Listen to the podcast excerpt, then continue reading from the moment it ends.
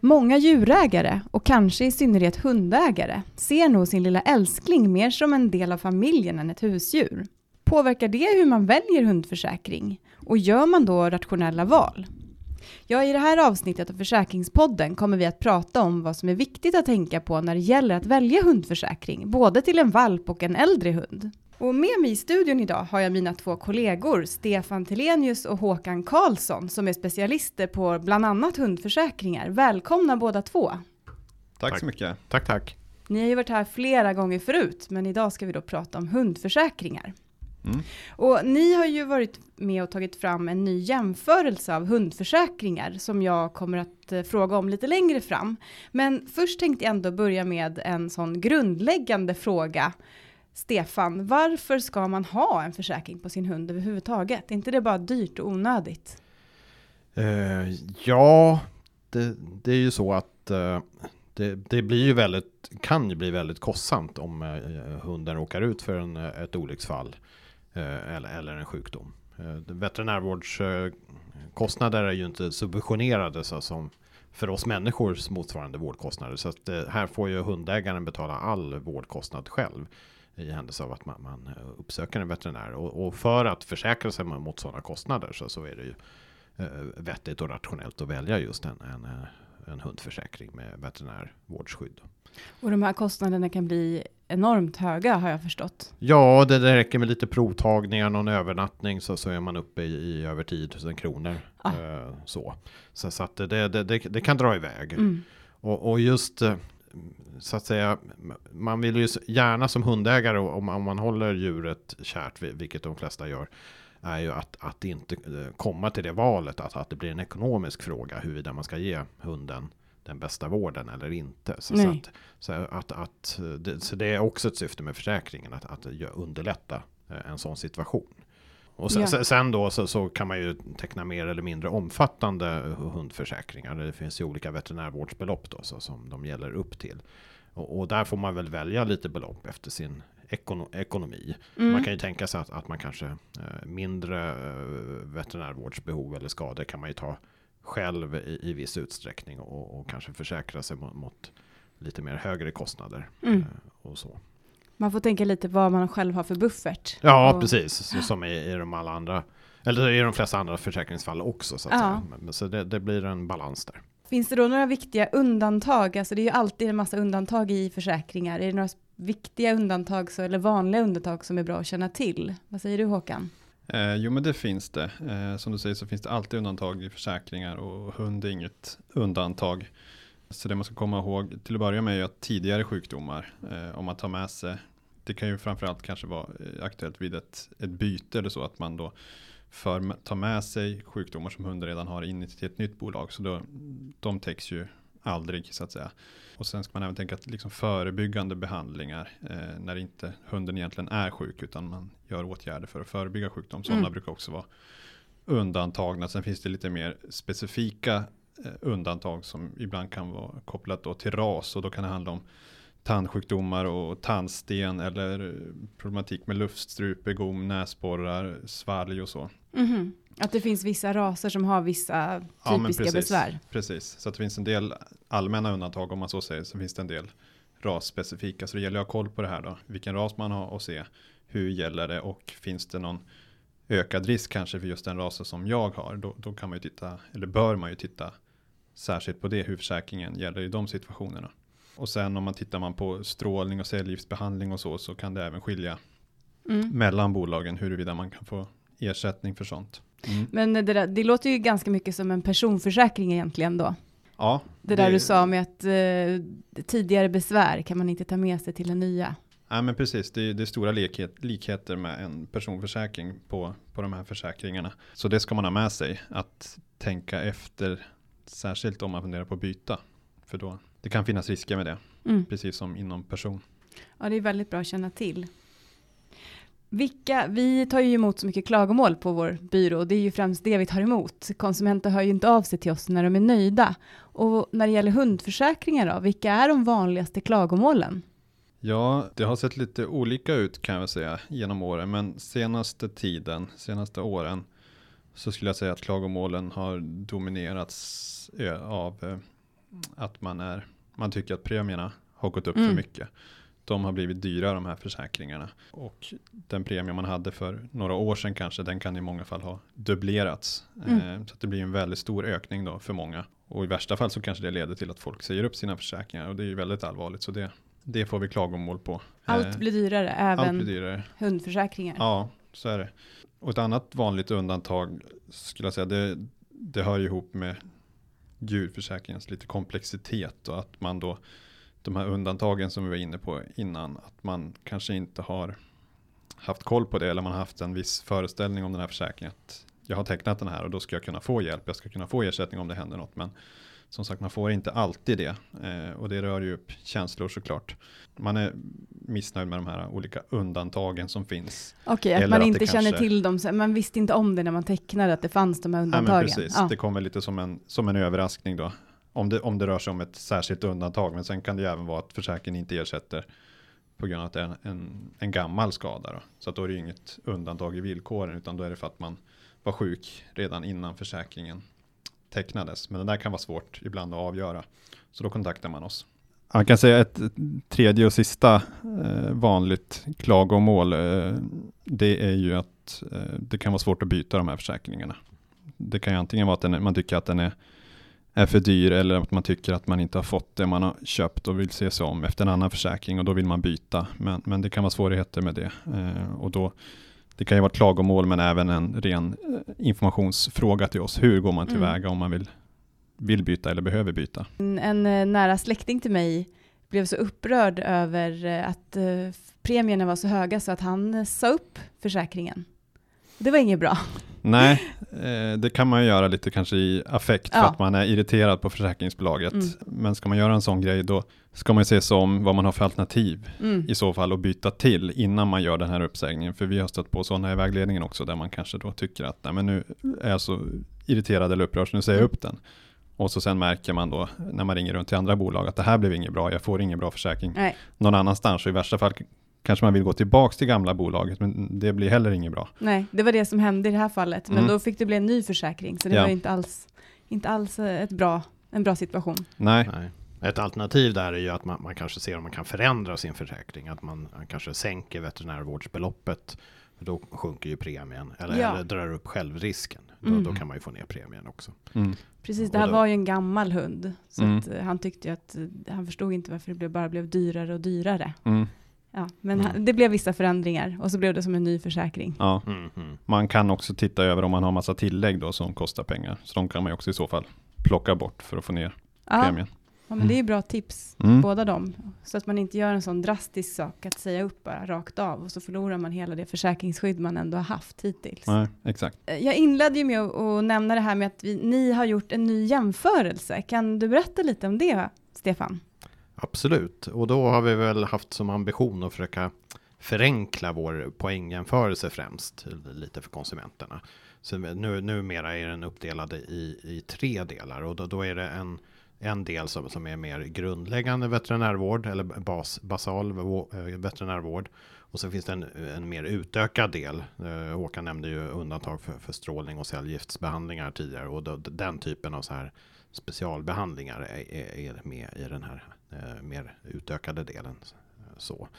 Och sen är, har vi som tidigare också en, en separat livförsäkringsdel också mm. där vi poängsätter försäkringen. Och en, en annan skillnad jämfört med tidigare då är att vi har, vi viktar ju de här olika delarna så, så att det blir en totalpoäng för, för hundförsäkringen. Och vi har viktat ner just livförsäkringsdelen lite jämfört med tidigare då, då vi anser att veterinärvårdsskyddet är det det är liksom det, det huvudsyftet med, med en hundförsäkring. Okay. Så, så, det väger lite mer nu i poängen. Så det är den stora förändringen alltså, att veterinärvård nu väger mer än liv, det gjorde det inte tidigare? Ja, det, det är en utav förändringarna. Mm. Sen om den är, ja, den är väl inte jättestor, men, men ändå lite på marginalen så, så förändras det ju poängen så att säga mellan de olika bolagen. Eh, och sen har vi fört in eh, lite olika exempel på vad man får i ersättning vid olika veterinärvårdskostnader.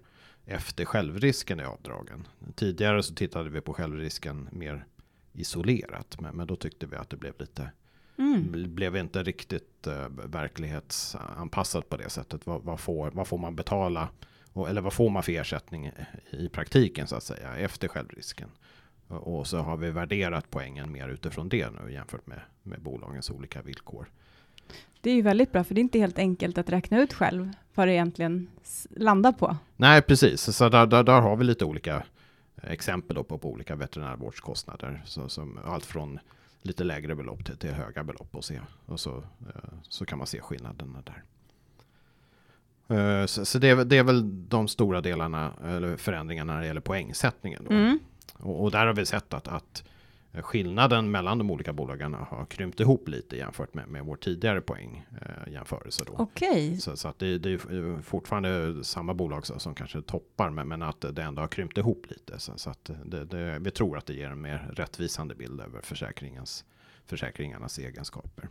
Eh, sen har vi även passat på att i, i jämför villkor, alltså den mer detaljerade jämförelsen eh, för hundförsäkringar, Eh, så, så listar vi lite så extra tjänster som man får på köpet i, i försäkringen. De, de poängsätter vi inte, men, men vi informerar ändå konsumenten att, att det kan finnas eh, tillgång till, till digital veterinär, alltså mm.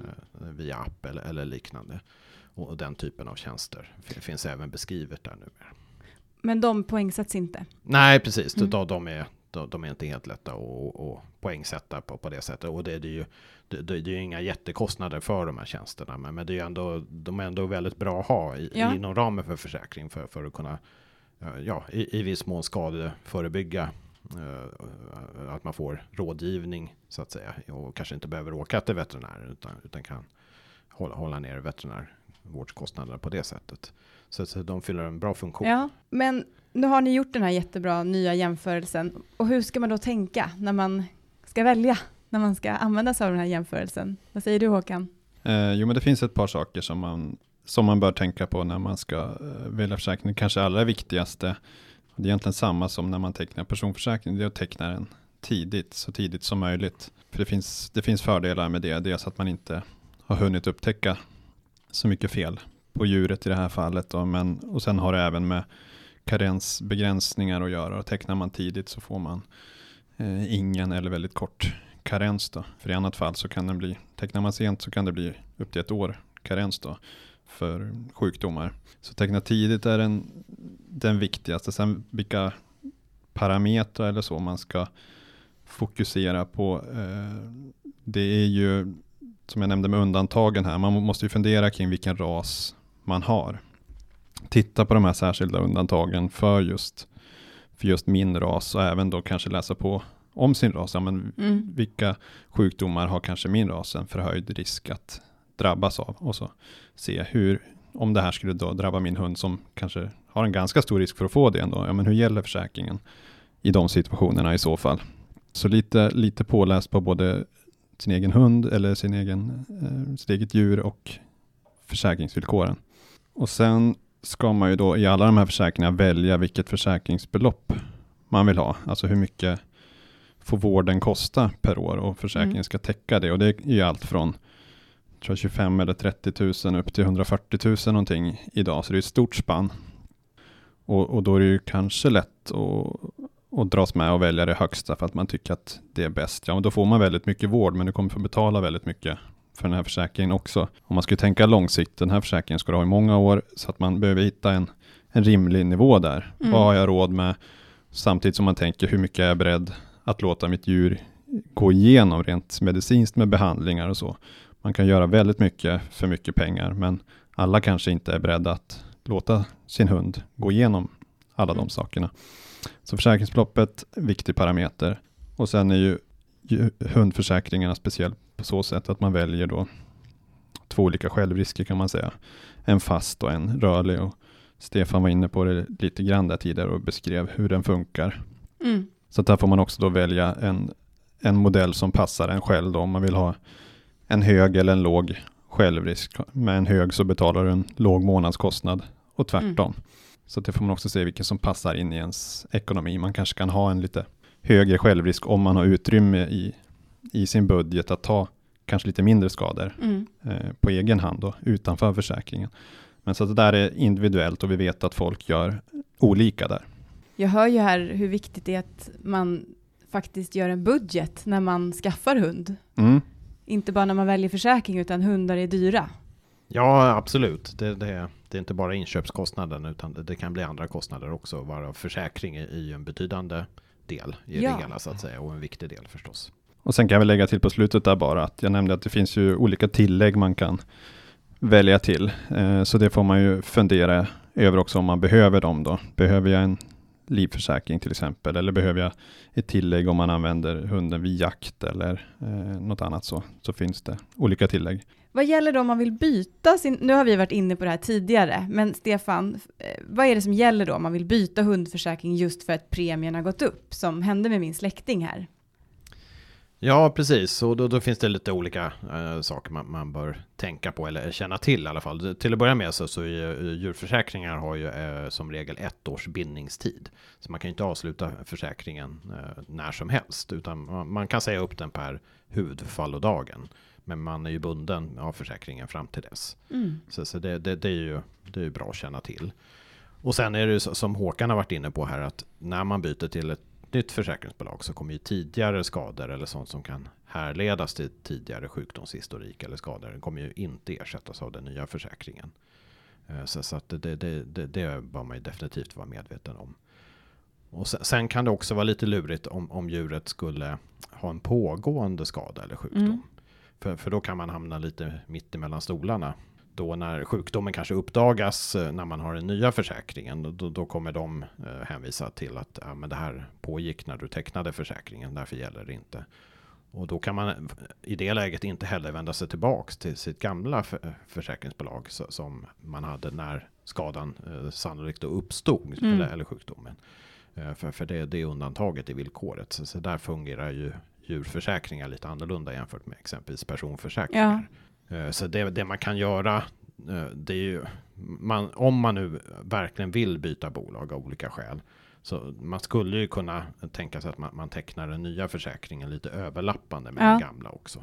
Det blir ju, det blir ju, ja, det blir ju förstås mycket dyrare premie att betala Mm. dubbelt, men, men man kanske har några månaders överlapp eller någonting, för, för då kanske man har minskar risken att, att, det, att det fanns en pågående sjukdom som var innan den nya försäkringen. Eller, och man kan ju också fundera på om, om man ska göra någon form av veterinär eh, eller liknande också för, för att kunna styrka att det inte fanns en pågående sjukdom eller något sånt också vid bytet. Det kan ju vara bra, men även där kostar det pengar. Ja, så, så att det är, det är väl kanske eh, snudd på eh, ja, överkurs i, i det hela. Men, men ja, man ska vara medveten Ja. om risken i alla fall att byta och, och verkligen tänka sig om. Ja, men då har vi kommit fram till veckans fråga. Manipets har ju lagt ner sin verksamhet i Sverige. Och vad innebär det för deras kunder? Det här är ju, jag har fått den här frågan några gånger i vägledningen. Och eh, vad säger ni? Vad är det som gäller då? Måste de teckna en ny försäkring i ett annat bolag? Upphör försäkringen nu att gälla? Precis, eh, de här började komma in ganska mycket under semestern. Så vi har ju kollat lite på det här, vad det här eh, innebär. Och det är som du säger, de avvecklar i Sverige, eh, vilket gör att befintliga kunder som de har kommer inte kunna förlänga och de som vill bli kunder i bolaget kan inte teckna försäkring. Och det innebär ju en rad saker. De som redan har kommer ju ha kvar försäkringen till deras försäkringsperiods slut så att säga. Så det är ju längst ett år då. Man har avtalsperioden ut, men sen är det dags att förlänga, då kommer den inte göra det i Menipets Men då har ju Menipets skrivit på sin hemsida att de då erbjuder sina kunder att gå över till Hedvig istället, en annan, ett annat försäkringsbolag. Och de frågor vi har fått från konsumenter har ju handlat mycket om det. Att dels har man ju frågat, får man verkligen göra så här? Får man bara dra sig ur och, och liksom inte sälja försäkringar längre? Och det kan man säga, det, det finns inga bestämmelser mot det. Så att det, det är inga konstigheter på det sättet egentligen. Eh, det som kanske trasslar till det med det här är ju att det, det är djurförsäkringar. Mm. De är speciella.